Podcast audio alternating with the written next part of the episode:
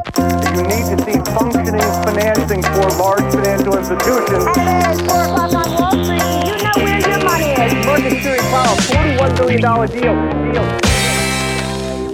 Nu har vi lagt första veckan av börsåret 2023 till handlingarna och med facit i hand så kan det beskrivas som en riktig rivstart. OMXS30 upp 4,60 under kortveckan och börsrally i USA efter NFP-siffran som visade på en inbromsning i lönetillväxten och det här tog ju marknaden fasta på.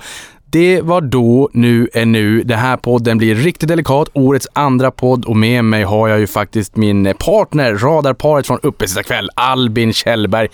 Vi har aldrig poddat tillsammans och riktigt kul att ha dig med i studion. Ja, jag är glad att få vara här. Jag är riktigt glad att du är här Albin, men för de som inte känner till det sedan tidigare, vilket jag tror att de flesta gör, men om man på något sätt har missat det, vem är Albin?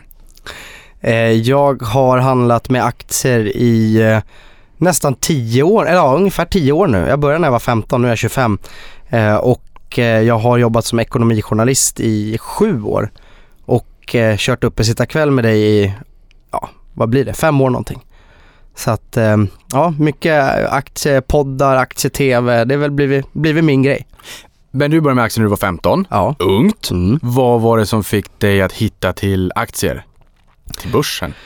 Eh, till, till, till, det var två, kombiner, två olika saker. Dels ett samhällsintresse. Jag var extremt, då blev jag väldigt intresserad av samhälle, samhällsekonomi, politik, hur funkar saker? Och då så såg jag ju det här kretsloppet av hur pengar rör sig, hur företag fungerar, hur kapital rör sig till börsen det, det, låter väldigt lillgammalt och jag var nog ganska lillgammal också.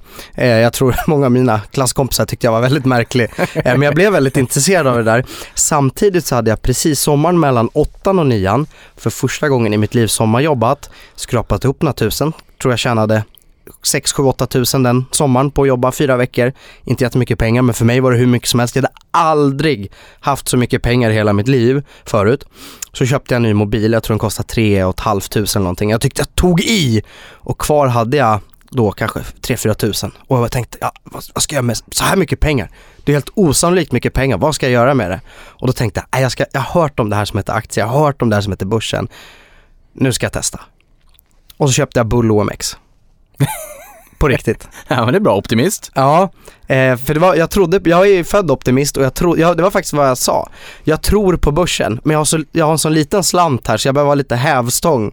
Eh, men sen så lärde jag mig ganska snabbt att, för jag fick väldigt ont i magen väldigt ont i magen när jag hade det där. Jag kommer ihåg att jag satt på lektionerna trots att vi inte fick ha mobil på lektionerna och bara följde hur det där pappret rörde sig för det gick ju, ja men det går ju som en hopp, hoppboll upp och ner, upp och ner. Och jag, och jag fick så ont i magen, det var som berg och Jag satt och kallsvettades på varje lektion. Och sen när jag hade till slut varit ibland upp och ner och jag hade varit både rik och fattig och det ena med det andra så sålde jag på plus minus noll och bara nej, aldrig mer aldrig mer sådana här jävla certifikat. Så.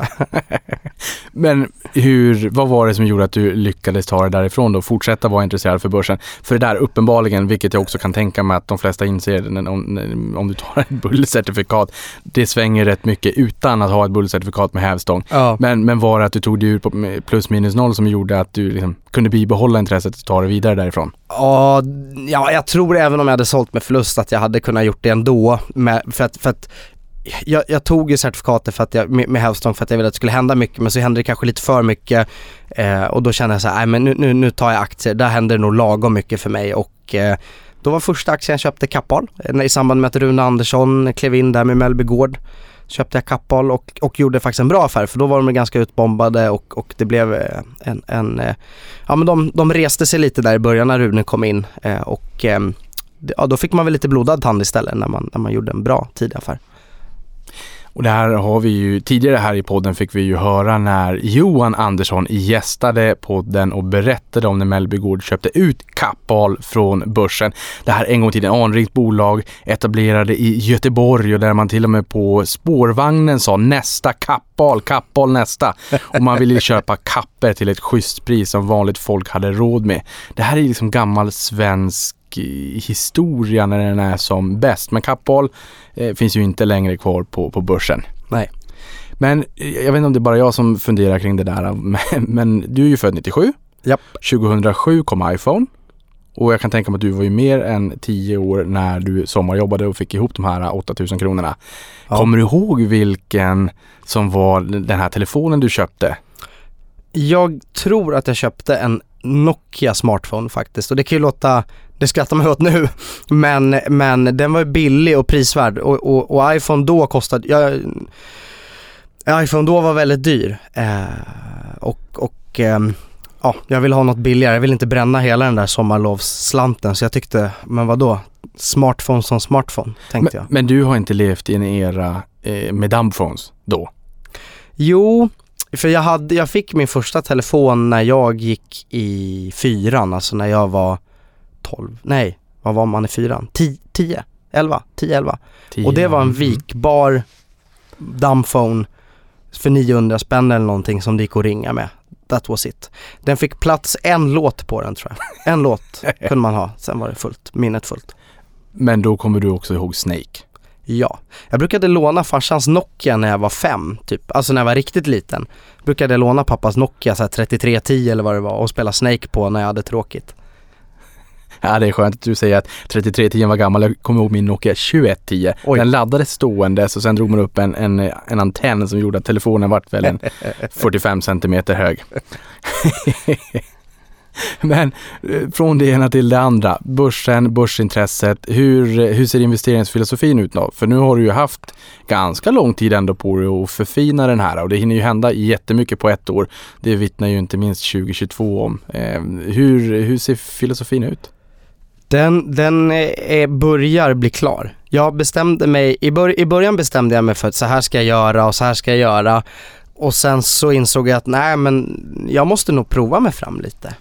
Och det är väl någonting som jag ändå skulle vilja rekommendera de som är nya på börsen att, att prova dig fram, prova lite olika strategier, prova lite olika sätt att investera, prova att följa lite olika investerare, filosofier etc.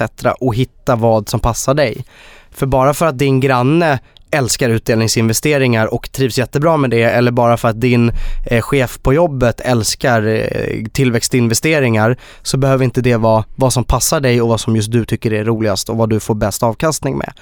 Och jag har provat mig fram, jag har provat lite olika grejer och nu börjar jag hitta någonting som jag gillar och det är, jag skulle säga små mellanstora bolag som går med vinst eller åtminstone tjänar pengar och inte gör några stora förluster och är på väg mot, mot, mot, mot vinst. Eh, som har en produkt eller en affärsidé som jag gillar och förstår. Jag förstår varför någon skulle vilja köpa det här. Eh, och förstår jag det inte så köper jag det inte. Inte för att det behöver vara dåligt men om jag inte förstår det är risken för stor att jag kan gå på en mina. Eh, så att jag vill förstå det, jag vill gilla det själv och eh, att de har försäljning. Det är viktigt för mig. Det, är inte, det, det måste inte vara att de går med vinst redan, men det vill jag helst. Men åtminstone att de redan har försäljning. För det är också en så här risk. Du kan tjäna mycket mer pengar om du hittar ett succébolag redan innan försäljningen ens kommer igång. Men du tar också mer risk då och det är en risk som jag vill undvika. Och det är så många gånger som man hör om bolag som har den fantastiska produkten men de har inte sålt ett enda exemplar än och då kan det tyvärr, jag skulle säga nio gånger av tio så kommer försäljningen ligga kvar vid noll exemplar även tre år senare. Eh, så att, så att där någonstans och så ser jag väldigt gärna att grundaren är kvar i bolaget på något sätt som, som vd, ordförande. Eh, jag gillar entreprenörsledda bolag. Det är ju en lite klyscha också, alla vill ha entreprenörsledda bolag men det är också något jag gärna ser. Sen är det sällan jag vill hugga något i sten heller. Så om jag hittar något där jag gillar affärsmodellen och de tjänar pengar och jag ser en tillväxt men det är inte entreprenörslett så behöver det inte vara hugget i sten utan då kanske det andra väger över. Ja, något sånt. Lite pragmatisk. Men... Ja, det tycker jag man ska vara. Pragmatisk. ja, det ska man vara. Det tycker jag också. Men det låter ju som att du inte har mycket till övers för börsens PRO-liga. Nej, nej det har jag inte. Men jag tycker att börsens PRO-liga är inget fel på. Jag tycker den också kan vara lite underskattad. För att nu, nu vill ju alla, höll jag på att säga, men många, de vill ju ha det här nya fräscha, de vill ha tillväxt, de vill ha små bolag. Eh, och då har helt plötsligt den här PRO-ligan blivit lite bortglömd och det är kanske därför den har gjort en, en ändå den är, det var väl kanske den som gick relativt starkast på Stockholmsbörsen 2022. Eh, kanske beroende på att de var lite då helt plötsligt underägda och underskattade men jag tänker så här att jag är 25 år gammal, jag investerar väldigt långsiktigt, jag har både råd och tålamod med hög volatilitet. Och då behöver man inte vara lika rädd för att ta lite mindre bolag och lite mer bolag med, med lite högre tillväxtmöjligheter än vad kanske PRO-ligan har. Mm. Men när du säger att du har råd att vara långsiktig, sparar du löpande också? Varje månad. Varje månad? Varje månad. Alltid? Det här var ex- extremt, med några få undantag ja, men jag skulle säga 11 månader av 12. Mycket bra. Jag håller på att läsa boken 100 Bagger just nu. Jag vet inte, har du läst den? Nej, vem har skrivit den? Det är Christopher Mayer som har skrivit den där och den är, ja, men den är riktigt bra. Alltså 100 baggers, de aktierna, investeringarna som ger 100 gånger pengarna och beskriver eller försöker hitta den hemliga receptet till vilka aktier som har gett den här fantastiska utvecklingen och hur lång tid det har tagit. Och för vissa aktier har det tagit 20-30 år medan för andra så har det gått väldigt snabbt. Exempelvis Monster Beverages, där tog det 10 år. Och jag tror att är en av de som har gjort den här bravaden allra snabbast var ett bolag som hade gjort eh, den den här resan på fyra år. Oj. Alltså när tusen kronor blir hundratusen kronor. Och ett av de bolagen som faktiskt har gjort den här resan väldigt, väldigt snabbt i Sverige är ju Evolution. Mm. Och en, eh, en bidragande faktor till det här, det är de bolagen som har en extrem tillväxt. Topline, alltså försäljningsmässigt och en, en rejäl vinsttillväxt. Men också en rejäl multipelexpansion så att du ser att vinsten stiger kraftigt. Och det som driver aktier långsiktigt brukar ju vara vinsttillväxt. Dit vinsten går, dit brukar också aktien gå. Ja. Så att en rejäl försäljningstillväxt, en rejäl vinsttillväxt och sen så som grädde på moset en rejäl ökning av värderingen av vinsten. Så en, en stigande värdering av en stigande vinst blir ju dubbelmumma. Och en takeaway från den här boken är ju också att det är de lite mindre bolagen som har den möjligheten att bjuda på en rejäl resa. Jag menar ett bolag värt en miljard så är det enklare att gå från en miljard till 100 miljarder än att gå från 100 miljarder 100 gånger naturligtvis. Och här kommer jag ihåg bland annat eh, Holdings som har tweetat någon gång och sagt att kring 700, 800, 850 miljoner kronor. Där någonstans kan man hitta ganska många intressanta bolag eller liksom försöka sondera terrängen och leta vinnarna framåt. De har blivit tillräckligt stora för att ha någon form av plattform och en, en affärsmodell som uppenbarligen verkar bära sig samtidigt som det institutionella kapitalet inte riktigt har kommit in utan runt miljarden och därutöver brukar de komma in i lite större utsträckning. Eh, och det Uppenbarligen tänker jag mig att det kommer finnas en större sannolikhet i din portfölj att hitta den här typen av aktier än om man du skulle gå och sondera i PRO-ligan. Exakt. Och en fördel jag har med min portfölj det är att den är inte så stor än att det blir ett problem för mig med likviditet i ett bolag som är värt 500 miljoner. Men har du en portfölj som är väldigt stor eller att du är en fond då är det svårt att köpa in dig ibland i bolag som har ett börsvärde på 100 miljoner eller 200 miljoner eller 300 miljoner. För likviditeten, alltså hur mycket som omsätts varje dag i aktien, det är inte tillräckligt stort. Så när du vill kliva in då handlar du helt plötsligt upp aktien 30-40% och det vill du ju inte. Men det problemet har inte jag. nej, nej, nej, och det blir ju så en liten stek också. Ska du, liksom, ska du ta någon procent av ett bolag som är värt 300 miljoner, det blir ju inga pengar. Det är inte värt det för en stor fond att gå in i ett sånt litet bolag. Nej. Eh, Men det där är ju spännande. Jag har en 100 bagger i portföljen. Vilken Haft en det? 100 bagger i portföljen. Ehm, Nej, det är fan Evolution, du vet jag skäms över att ha. Nej, ja, men alltså, så här, jag, jag hade Evolution när de kom till börsen. Ja. Eh, och sen så sålde jag ut Mm. eh, det mesta. Men det vart några tusen lappar kvar. Eh, och den gick hundra gånger. Just det, som du lämnar kvar Eh, där. Ja, och det var liksom en fraktion av vad jag hade från början. Och, och, mm, men det var ändå intressant att se att det där blev en 100 bagger som mest då. Eh, och jag har också eh, 40 bagger, 50 bagger, 60 bagger och det är de aktierna som har varit länge i portföljen som har gett enorma resor. Och som du säger, men du är 25, jag är 35. Eh, det är ett tag till. Eh, långsiktighet är fantastiskt på börsen. Ja det är det. Och, och det man också lär sig av de här kanske 10 och 20 baggers och 100 baggers det är ju att i, i och med att den resan aldrig någonsin i princip sker på några månader eller något år utan det sker ju ofta över 3, 5, 10, 20 år så lär man sig också att de här riktigt vassa bolagen när man verkligen hittar rätt våga ha kvar dem, våga sitta lite på händerna. Det Det tycker jag nästan är svårt. Jag tycker nästan det är svårare på börsen att veta när man ska köpa och när man ska sälja än att hitta guldklimpar och, och intressanta bolag. Eh, det, det, är väldigt svårt att veta när man ska ge upp på ett bolag som inte levererar. Och när, för, för vad, det, det, är svårt att veta om de inte levererar eller om de är en tillfällig svacka. Och vice versa, när ska man ta hem vinsten? Är det den där 100 bagen du sitter på, du ska vänta några år till eller är det mättat nu och du ska kliva av? Det är inte så lätt som man tror när man är där. I efterhand är det alltid väldigt lätt dock. Nej, och jag menar en sån där källa till inspiration tycker jag, det är ju att gå in på bolagens egna tid och för relationer. Eh, oftast så är det svårt att få tag i informationen vad en aktie har gett över tid eh, med återinvesterad utdelning inräknad. Men bolagen, om vi nu tar Investor, Sveriges mest ägda aktie.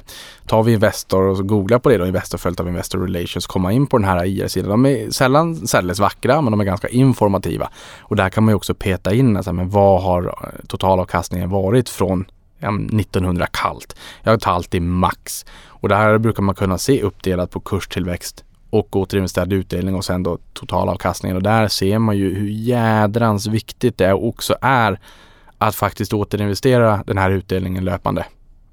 Exakt. Eh, halva, halva vägen mot, kanske till och med mer än halva vägen mot att få den där riktiga avkastningen i återinvesterad utdelning. Ja, och jag tror att vad gäller Investor så är det två tredjedelar återinvesterad utdelning, ja, en tredjedel kurstillväxt. Men har du någon riktigt bra affär i bagaget? Min, min bästa affär jag har gjort, det var, ja kan det varit, fem år sedan någonting. Då köpte jag det som då hette Nordic Leisure, sen blev N-Labs. Då bestod de mest av, av en påse pengar. De hade sålt eh, varumärket Redbet och skulle göra något av den påsen och så kom jag in ganska kort in på att de började använda upp den och började göra ganska bra förvärv. Och, ja, där gjorde jag minst, vad kan det ha varit, ett, ja, men ett par hundra procent på något år. Ett år, ett och ett halvt år någonting. Det, det är min bästa affär. Jag fick så extremt snabbt utväxling. Det tog bara några veckor efter jag hade köpt att det första eh, uppgångshacket började komma. Liksom. Plumpar då? Min, min, min, min, eh, min värsta plump i procent det var när jag var väldigt ny på börsen. Och, och värsta plump också, för jag gjorde alla nybörjarmisstag man ska göra. Då gick jag i gymnasiet och köpte jag Mr Green på analys från en typ en tidning eller något sånt där. Så det var inte min egen analys. Köpte jag den på, på någon annans analys och typ ja, efter en vecka så fick de en skattesmäll och gick ner 30% så fort den nyheten kom. Varvid jag fick panik och säljer och sen studsade den ganska snabbt upp, alltså samma dag upp igen så att den kanske bara var ner helt plötsligt 10% eh, för att då kom ju marknaden på att okej okay, det var en skattesmäll men det var okej okay, det var inte så farligt, det var inte 30% ner farligt. Men då hade jag redan sålt. Uh, och det, det var ju verkligen alla nybörjarmisstag. Köpte analys på någon annans rek, eh, dåligt påläst, skattesmällen kommer, jag säljer i panik, sen återhämtar den sig. Jag gjorde verkligen alla fel man kunde. Å andra sidan så är det också bra tänker jag att göra nybörjarmisstagen själv få en näsbränna, ja. lära sig av det. För sen den gamla tobaksreklamen, barn gör inte som du säger, barn gör som du gör. Också ganska nyttigt att göra de här eh, liksom misstagen själv och förhoppningsvis lära sig någonting av dem och gärna också tidigt när de kostar mycket, mycket mindre än om du gör dem senare i karriären när du har byggt upp en större portfölj. För då lär det ju kosta mer i kronor och ören också. Eh, men det är ju en hel del spel och dobbel i alla fall bland de exemplen som du lyfter. Ja. Um, har, du mycket, har du en förkärlek för spel och dobbel? Ja, det har nog blivit så. Jag tycker att jag förstår mig på den branschen ganska bra. Eh, Vi har jobbat lite med den och sådär. Så jag, jag, tycker väl att jag förstår den rätt bra. Sen så skulle jag väl säga att eh, det, var, det var ju en bransch som var lättare förut. Alltså innan regleringen så gick ju nästan alla de där bolagen bra. Och sen efter regleringen har det blivit lite mer att man har sållat agnarna från, från vetet. Men, men eh, ja, det blir, det blir nog en blandning av slump och inte slump. Ofta är det ju lönsamma bolag också. Så det har väl också gjort att det är lätt att bli, och jag förstår det, så det prickar lite automatiskt in två av mina boxar också. Skulle jag säga. Mm.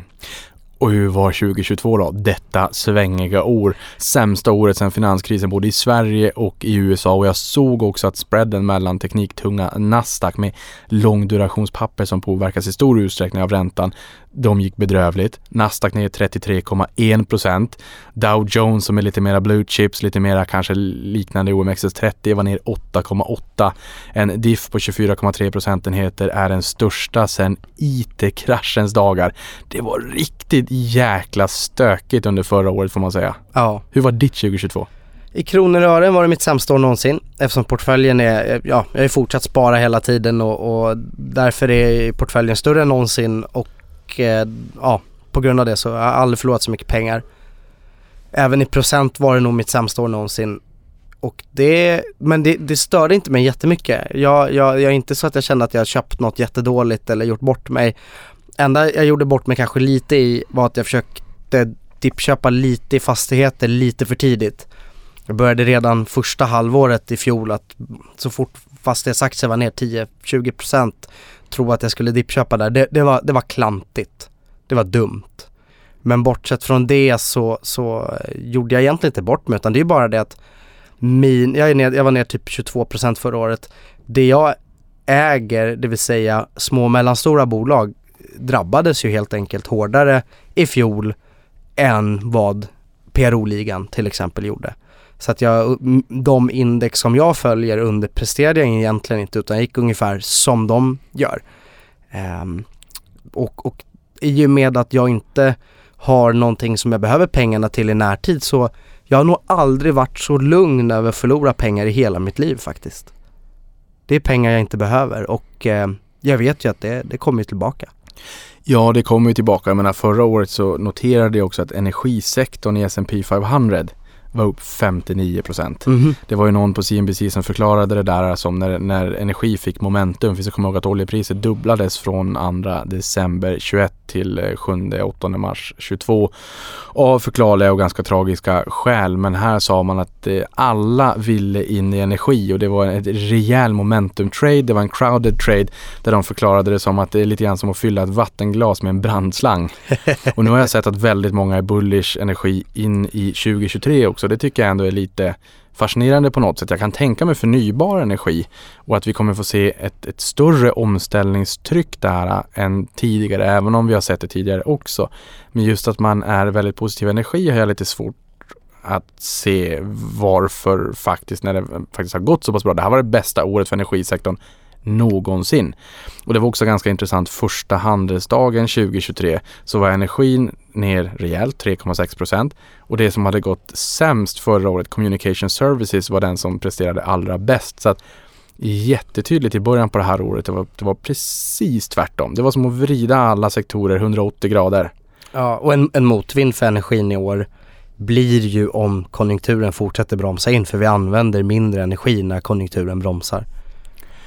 Och sen undrar jag vad som händer i sådana fall om Kina öppnar upp. För nu ser vi ju att Kina öppnar upp mer och mer och, och, och vad det kommer göra med efterfrågan. Det är klart att det kommer addera efterfrågan när allt fler människor i Kina går tillbaka till någon form av normalitet. Å andra sidan är de ju rätt driftiga också och kan jag addera deflation eller deflationistiskt tryck och det är liksom eh, försörjningskedjorna kanske blir lite mindre stökiga etc. Så jag har svårt att, att, att bilda mig en uppfattning kring nettoeffekten av det hela. Annat än att jag tror att återstarten av Kina eller öppningen av Kina kommer vara ett tema vi kommer få leva med under 2023. Mm. Är det någonting speciellt som du känner att du lärde dig av fjolåret då? Ja men det gjorde jag. Eh, jag tyckte det var ett lärorikt år. På, på, väl, det, det, på så vis är det nog ett av mina, mina favoritår. Det, eh, det jag dels lärde mig var att eh, man, man måste våga ifrågasätta lite grann att bara för att någonting har fungerat senaste åren behöver inte nödvändigtvis fungera nästa. Bara för att liksom tillväxt och tech har haft fem bra år behöver inte ha fem bra år till. Och det är sällan så att det är det här man det är nya tider nu. Nu kommer aldrig mer value och, och gubbaktier någonsin gå bra. Det blir sällan så. Förr eller senare kommer det alltid tillbaka. Eh, sen är det inte säkert att de kommer ha tio bra år men, men alla, förr eller senare blir liksom gummibandet i skillnad mellan tech och tillväxt och värde för spänt och då drar det ihop sig lite. Sen kanske det spänner ut sig igen men, men, men det var ändå lite lärorikt och sen så lärde jag mig också att om man vill få ner volatilitet i sin portfölj men ändå vara all in aktier så kan det finnas en vits i att blanda då tech och tillväxt och stora och små bolag för att, för att jämna ut svängningarna mellan dem. Om man tycker det är viktigt att få ner volatilitet. Jag tycker inte det, men jag vet att många tycker det är skönt att få ner volatilitet. Jag vet att många blir stressade när de ser att OMX30 är ner 11, 12, 15, 20 procent och de själva är ner 40 och tycker att det är jobbigt för de jämför sig med det och de jämför sig med rubriken att men vadå börsen är ner så här mycket, jag är ner mycket mer och då kan det finnas en vits i att, i att eh, blanda. Ja, och det får man ju säga förra året också när du nämner räntan här. Jag menar, eh, både tech och småbolag, tillväxtbolag men även fastighetsbolag. Den röda tråden bland dem det är ju att det är ganska räntekänsliga sektorer får man väl säga. Bland fastighetsbolagen så är ju finansieringskostnaden en jättestor del av den totala kostnaden för bolaget i och med att de använder belåning som ett verktyg för att köpa fastigheter. Ja. Eh, det är väl fastigheter och bank också. Bank gynnas ju av, av stigande räntor för man ser stigande räntenetto ofta då.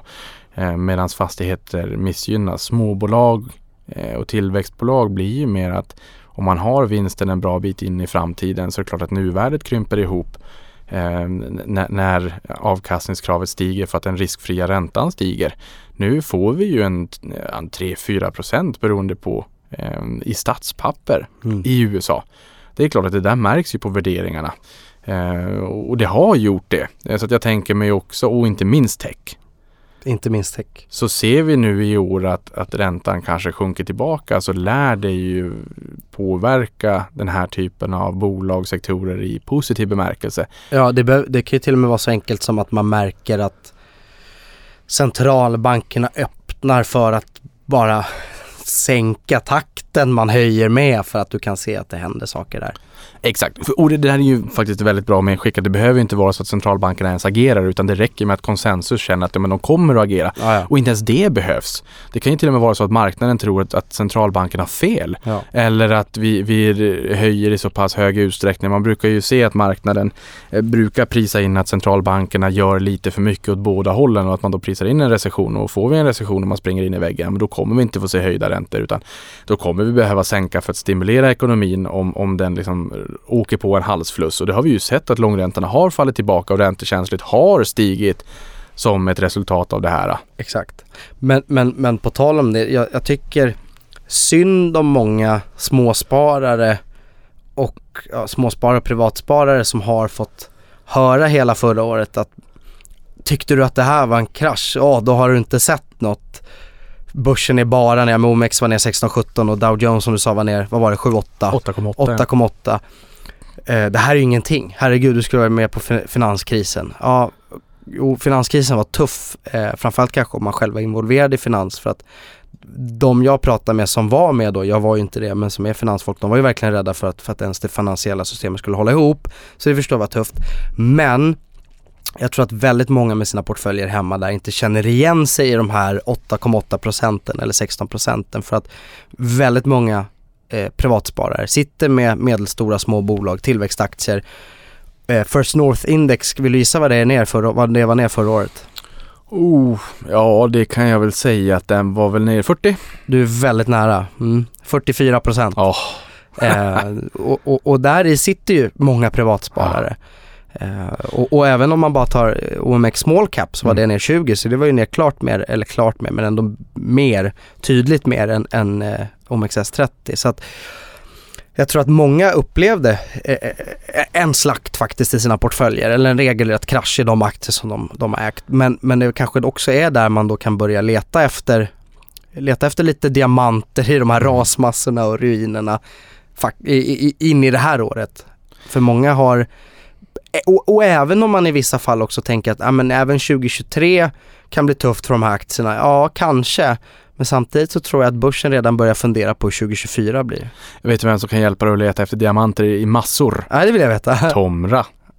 De har ju ett sånt affärsområde som faktiskt hjälper till att leta diamanter i jordmassor.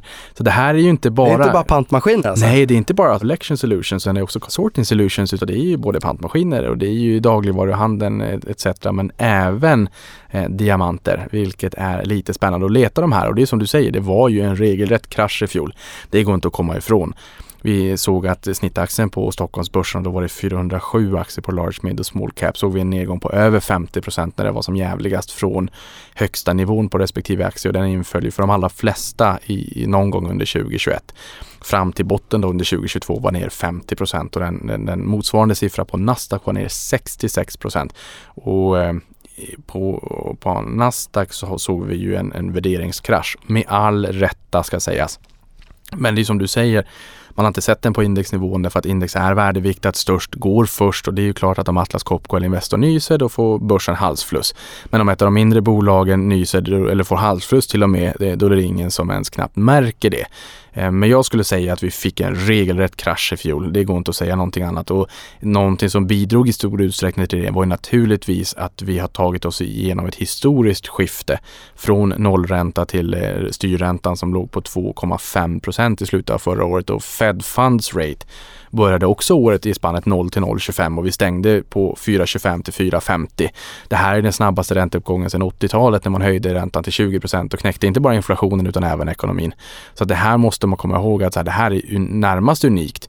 Vi har sett det förut, men det tillhör inte vanligheterna. Och just det här när man säger att det var sämsta börsåret sedan 2008, optimisten tolkar ju det som att aha, det här är inte särdeles vanligt. Men det gick också att plocka upp totalt eh, pulveriserade, mosade aktier.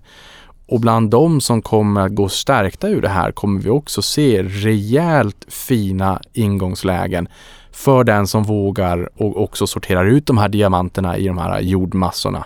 Alltså de aktierna som går väldigt, väldigt bra härifrån och framåt. Ja, för att i ett sånt här läge när det blir lite kalabalik, räntehöjningen går väldigt fort, många säljer av väldigt snabbt, man blir, det blir rädsla, det blir kalabalik, det blir tumult, det händer mycket vissa aktier som såldes ner förra året skulle nog säljas ner. Det fanns en del aktier som hade väldigt, väldigt, väldigt höga värderingar som kanske åtminstone då för att anpassa sig mot att det kommer ett räntealternativ ska få en, en, en permanent lägre värdering. Men man kastar ur sig allt i det läget. Så det finns en del aktier som inte alls var så dyra men som drogs med i det här.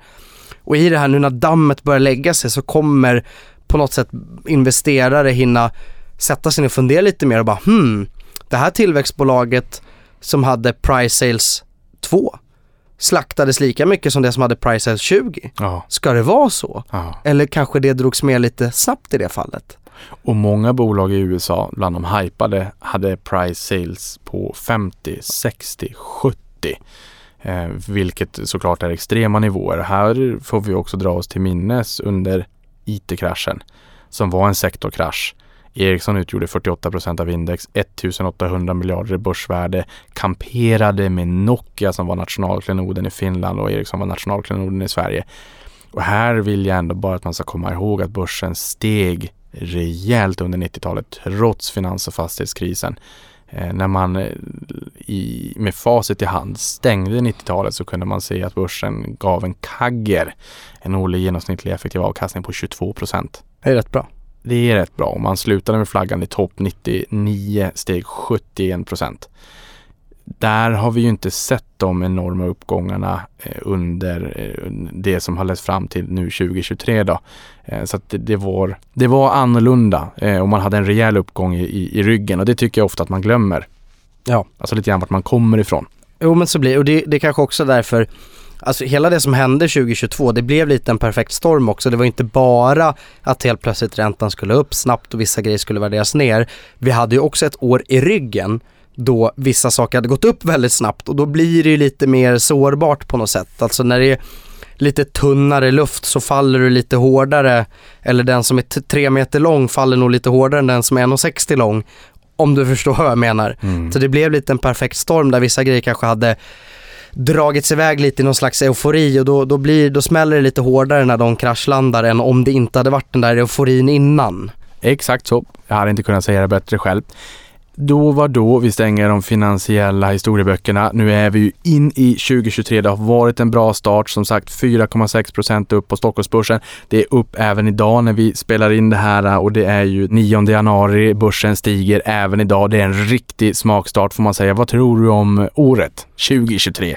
Ja, jag tror att äh, det kommer bli ett centralbanksår även i år. Det vill säga att man följer väldigt mycket vad centralbankerna gör, man tolkar mycket vad de gör. Bara för att försöka lägga upp någon slags långsiktig gameplan för hur blir 2024, hur blir 2025, hur högt ska räntorna? Ja, sådana saker. Eh, och jag tror att det kommer att bli ett, ett inte lika volatilt år som i fjol men det kommer ändå vara tror jag ett år där vi kommer ha lite bättre perioder och lite sämre perioder. Så även om vi börjar starkt nu så kommer det säkert komma lite svackor någon gång under i år då man får chansen att plocka upp aktier igen. Så att jag tycker att de som sitter nu i början av året och får lite fear of missing out och tänker att nu går tåget. Det kommer, det, hur många år är det? Nio år av tio har någon form av sättning liksom. Ja men det skulle jag säga. Ja. Ja, nä- nästan, om man får överdriva, nästan 10 av 10 Ja. bjuden på korrektion. Det är nästan årligt återkommande. Ja, och det kommer komma något sånt läge även i år gissar jag. Eh, både för att sannolikheterna säger det och sådär. Så man behöver inte bli stressad bara för att det stiger nu och tro att det här var min sista chans att hoppa på tåget efter förra årets turbulens. Det tror jag inte. Eh, det, kommer gå, det kommer vara lite så här fram och tillbaka och sen kommer börsen framförallt fokusera på 2024 och 2025 års vinster. Så man, jag tror att man tänker fel om man nu sitter och funderar på hur kommer Q2 in, hur kommer Q3 in? För min bild är, det, och, och de, det gängse uppfattning är att börsen blickar framåt och framförallt ett år som detta, börsen vet redan att i år kommer vara halvtufft för bolagens vinster. Många kommer att märka av en viss inbromsning. Man förväntar sig det, man börjar redan fundera på hur blir 2024, hur blir 2025 och, och det som framförallt då kan få börsen att både stiga och sjunka är olika nyheter som talar eller på något sätt viskar om hur 2024 och 2025 års vinster kan komma att bli. Ja, och det tycker jag är lite intressant i år också. Det finns ju en sån här nyårseffekt att man vänder blad. Det är ett oskrivet kapitel, alla börjar på noll och så får man vara lite optimistisk och man har god tid på sig. Det är ofta mellan 248 och 253 börsdagar på ett år. Eh, ganska exakt och, och svaret är väl någonstans där eh, emellan, men om man tittar senaste årtiondet i alla fall. Och man har ju råd att vara positiv i början på året för att det kan gå ganska långt in på året innan man känner sig nödgad, tvingad att skruva ner sina estimat. Även om visst många har varit bäsiga förra året och kanske lite bäsiga in i det här nyåret. Men vi ser ju den här nyårseffekten att optimismen och vända blad faktiskt har gett effekt. Nu är börsen säkert upp 7% fram till idag nu när vi sitter och spelar in det här. Och som du säger, bara att blicka in i 2024, då ser vi förmodligen också ljuset i tunneln. Det kunde vi inte göra riktigt förra året, men nu så vet vi, många av oss, eller konsensus som du säger, att eh, 2023 kommer vara ett eh, ett mellanår och många pratar om den här lågkonjunkturen. Ja, men börsen är framåtblickande och i, i rätt stor utsträckning så har vi sett det diskonteras in i inte minst eh, sällanköp. Ja. Eh. Och, och just därför så tror jag att om, om det, säg till exempel att det kommer en svag, eh, sä, säg att Q1 och Q2 blir svagt eh, vinstmässigt. Så tror jag att börsen inte kommer bry sig så mycket om det. Om det till exempel kommer öppningar om sänkta räntor 2024. För då kommer börsen hellre titta på att hmm, ser ut som att konsumenten kommer ha mer köpkraft 2024 än att bry sig så mycket om att vinsterna 2023 var sådär. Ja, exakt. Den kommer väga det som händer 2024 tyngre. Exakt så. Ett annat budskap här i podden nu är ju uppesittarkväll. Vi sa att vi går in på det åttonde kalenderåret och vi har ju gjort programmet tillsammans under sex kalenderår då. Eh, så det börjar ju vara en tid, det var 2018 som vi flyttade över det till EFN och sen så flyttade vi över det till Omni Ekonomi. Och nu eh, så har vi lite spännande nyheter beroende på hur man ser det att berätta om här. Men innan, hur, eh, hur har det känts under de här sex åren om du skulle sammanfatta eh, uppesittarkväll? Ja men det är väl varje månads höjdpunkt att eh, kväll, man, kvällen innan löning, det blir ju nästan man vet ju att det alltid kommer där eftersom det alltid kommer samma dag. Det är alltid kvällen innan löning, man vet att det kommer, det blir lite som månadens egna julafton. Där man får vänta in lönen tillsammans, det är du och jag, det är spararna, det är tittarna, man, det är alltid drag i YouTube-chatten, det är alltid drag på Twitter. Folk berättar vad de ska köpa för aktier den här månaden, de berättar vad de känner, de visar bilder hur de sitter hemma och tittar. Det är nog fruktansvärt roligt och det är ett extremt, eh, det, är ett sammanhang att vara med i där man känner sig otroligt privilegierad. Både för att det är ett program som folk bryr sig om. Folk sitter hemma och verkligen bryr sig. De blir engagerade, de tittar, de känner igen en när man är ute på stan och mm, jag känner också att man gör skillnad. Man kan faktiskt dela med sig av kunskap och, och, och lärdomar och insikter på, i ett sammanhang och ett format där folk tar till sig och har nytta av informationen. Ja, för det här är ju finansiell folkbildning när den är som bäst. Det, det får man ju ändå säga. Nu är vi jäviga, men, men det är verkligen när den är som bäst. Jo men det är klart för att jag menar det, det har nog aldrig gjorts tidigare ett livesänt program som ses av snitt 20 000 varje månad som bara fokuserar på att utbilda och hjälpa i att spara bättre. Jag tror aldrig det har funnits ett livesänt program som går månadsvis så, som har det syftet. För det är ju faktiskt, vi har två syften. Dels att hjälpa och utbilda, men också underhålla lite för att göra att de där sista timmarna framåt lönen går lite fortare.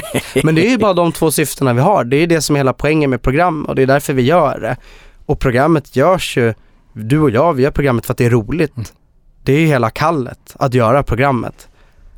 Ja, men exakt. Och inspirera och motivera människor till ett bättre sparande och inte minst när det stökar. Jag menar, det har stökat ganska rejält genom åren när vi har kört det här Vi har programmet. kört programmet i allt igenom coronakrascher och 2022 och allt möjligt på vägen. Alltså. Och Techfrossan 2018. Techfrossa, ja. Riktigt stökigt.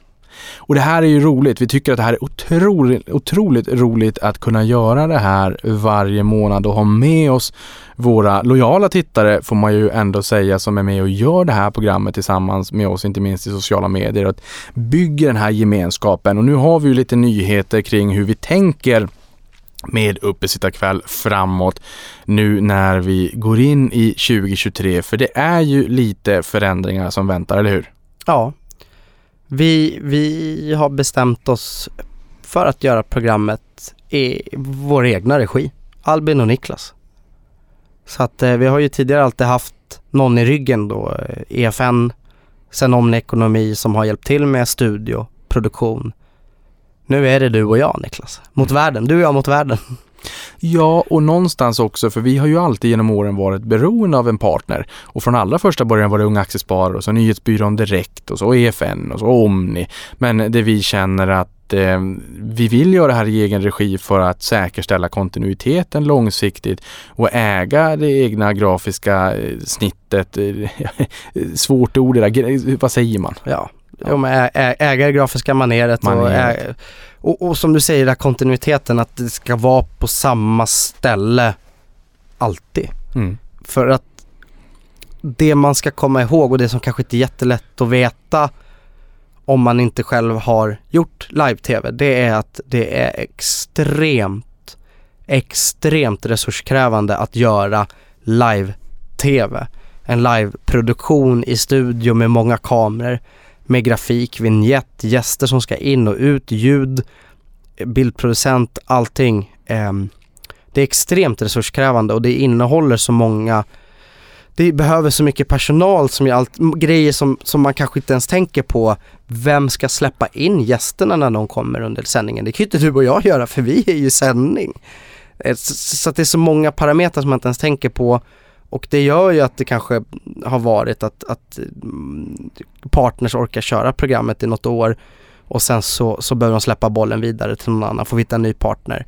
Eh, och, och, och nu försöker vi hitta en lösning där, där du och jag har det på samma ställe alltid för att hitta en kontinuitet och ett, liksom ett, ett evigt hem. Ja, för att det tror inte jag heller folk riktigt har koll på hur många människor som, som ändå eh, krävs för en sån här produktion. Men hur många skulle du säga att vi har varit genom åren att totalt under en sån här två timmars produktion livesändning av Uppesittarkväll? Det brukar ju vara mellan sju och tio i teamet varje program. Det är, det är en ganska stor apparat ska man säga. Mm. Och sen är jag ju väldigt, måste jag också säga det att även om vi nu ska ha ett nytt hem, jag är väldigt tacksam för de partners vi har haft under åren också det har varit väldigt kul för att kanske för fem år sedan var vi nog inte riktigt i ett läge där vi var redo att ta steget att köra det själva och heller. Så jag är extremt tacksam för de som har satsat på programmet och verkligen investerat mycket resurser i att se till att folk där hemma får den här utbildningen och fortbildningen och, och, och inspirationen utan att behöva betala för att se det. Ja, för hur, hur skulle vi säga att vi tänker nu då? För det här är ju precis som du säger, det här är en ganska stor produktion. Det kräver ganska mycket resurser. Det är ganska stora pengar vi pratar om. Vi har ju liksom på toppen av programmet när, när produktionen var som mest kostsam så kanske man inte överdriver om man säger att, att eh, produktionskostnaden på ett år kanske är 1 till 1,2 miljoner.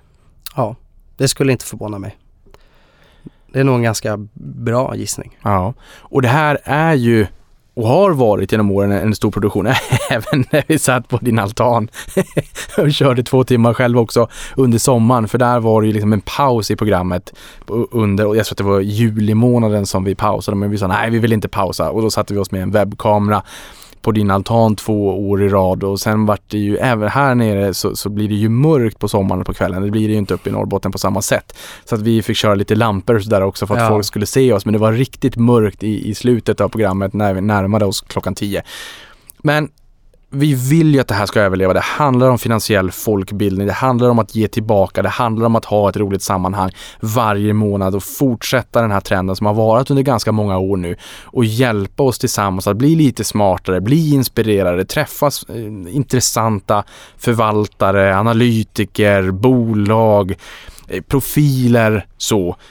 Så hur, nu säger vi att vi ska ta det här i egen regi. Vi vill ju också om möjligt ha hjälp av våra tittare där ute. Hur tänker vi härifrån och framåt? Nu är det ju den 9 januari nu när det här spelas in. Det är inte jättelångt kvar till den 24 januari. Hur tänker vi härifrån och framåt? Vad vill vi ha för hjälp om möjligt av eh, lyssnarna till den här podden eller tittarna av Uppestad kväll?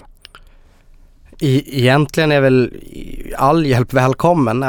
Känner man att man vill, man är duktig på grafik och vill göra en vignett eller en logotyp eller man vill sätta en grafisk profil åt programmet eller man, man eh, har tips på, ja jag vet inte vad, någon som kanske skulle vilja sponsra programmet eller vad som helst eh, så är ju allt välkommet.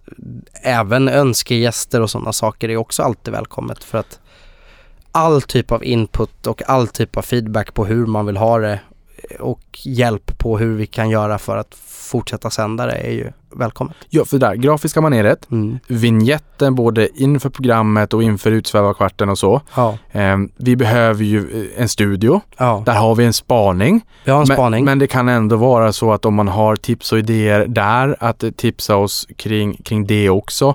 Eh, sponsorer kommer vi ju att behöva ja. och kanske gärna långsiktiga sponsorer också. Det här ska ju sägas att det här är ju till självkostnadspris, alltså för att hålla uppe den här produktionen. Så att vi tar ju inte det här i egen regi för att kapitalisera på det här programmet utan eh, syftet för oss är ju egentligen att se till att det finns en fortlevnad för Uppesittarkväll där vi inte är enkomt beroende av en annan part.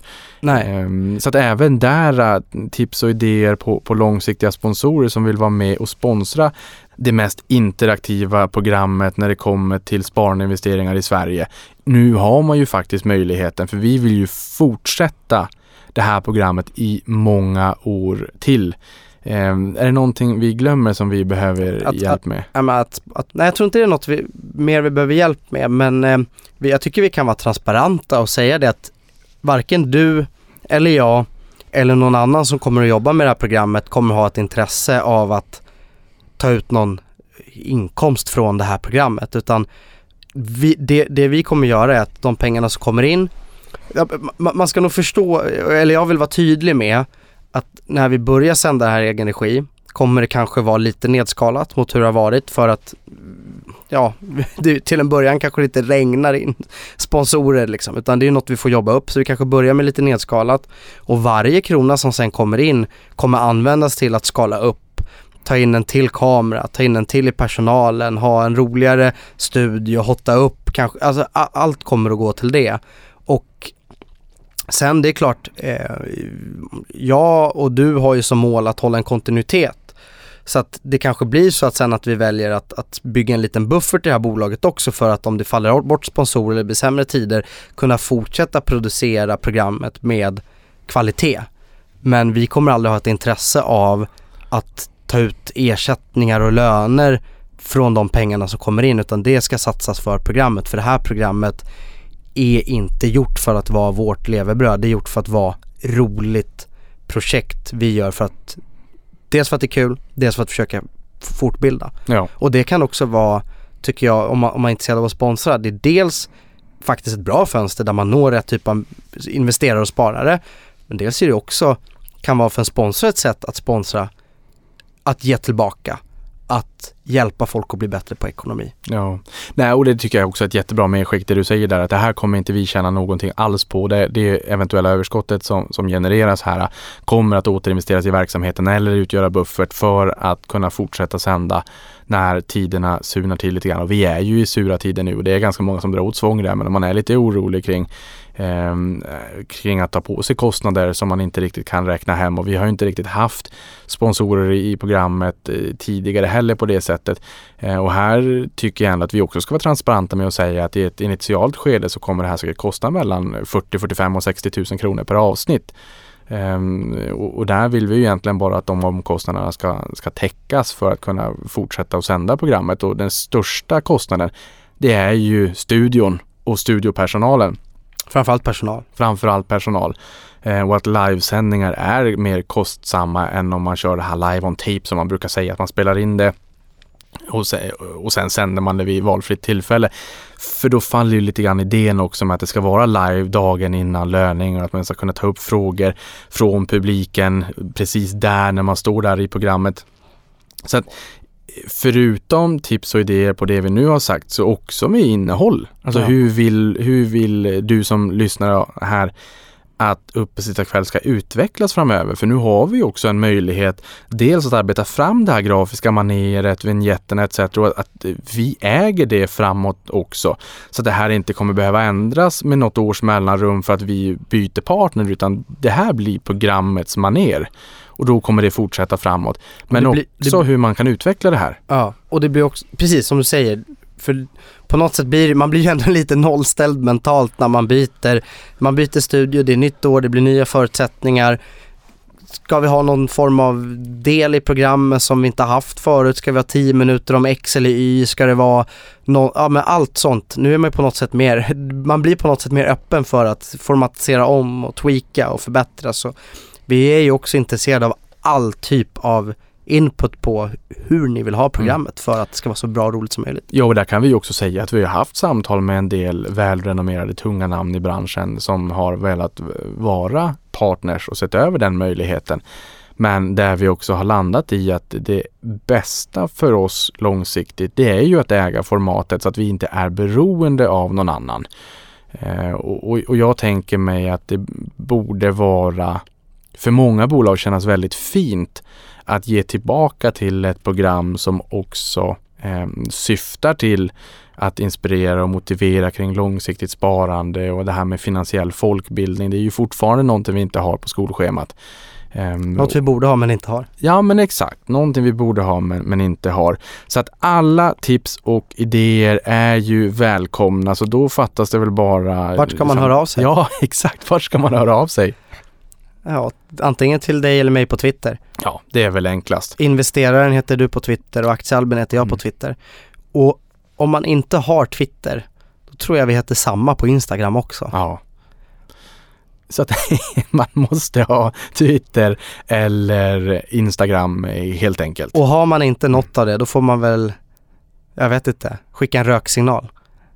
Ja, då får men, man skicka men, en röksignal. Men, Eller... men något, de flesta brukar ha något av det i alla fall. Ja, och annars kan ni också skicka till kontakt investeraren.com också så, så kommer ni rätt i slutändan om det är så att du föredrar att skicka ett mail istället.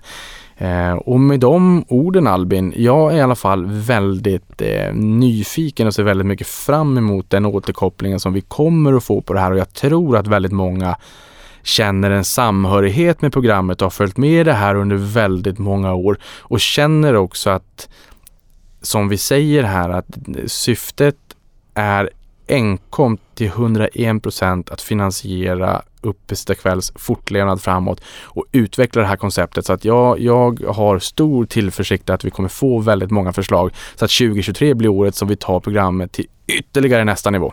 Ja, och känner man att man vill bidra med någonting som vi inte ens har tänkt på, som vi inte ens har efterfrågat, men man själv tänkt på att men ni skulle ha behövt något sånt här i programmet eller om ni skulle ha det här runt omkring programmet som jag kan bidra med, hör av er då med. Mm. Med de orden, tack för att du gästade podden. Jag är så otroligt glad för att jag äntligen fick vara med i din podd Niklas. Du har brutit ut spänningen även för 2023. Tusen tack för att du lyssnade på det här.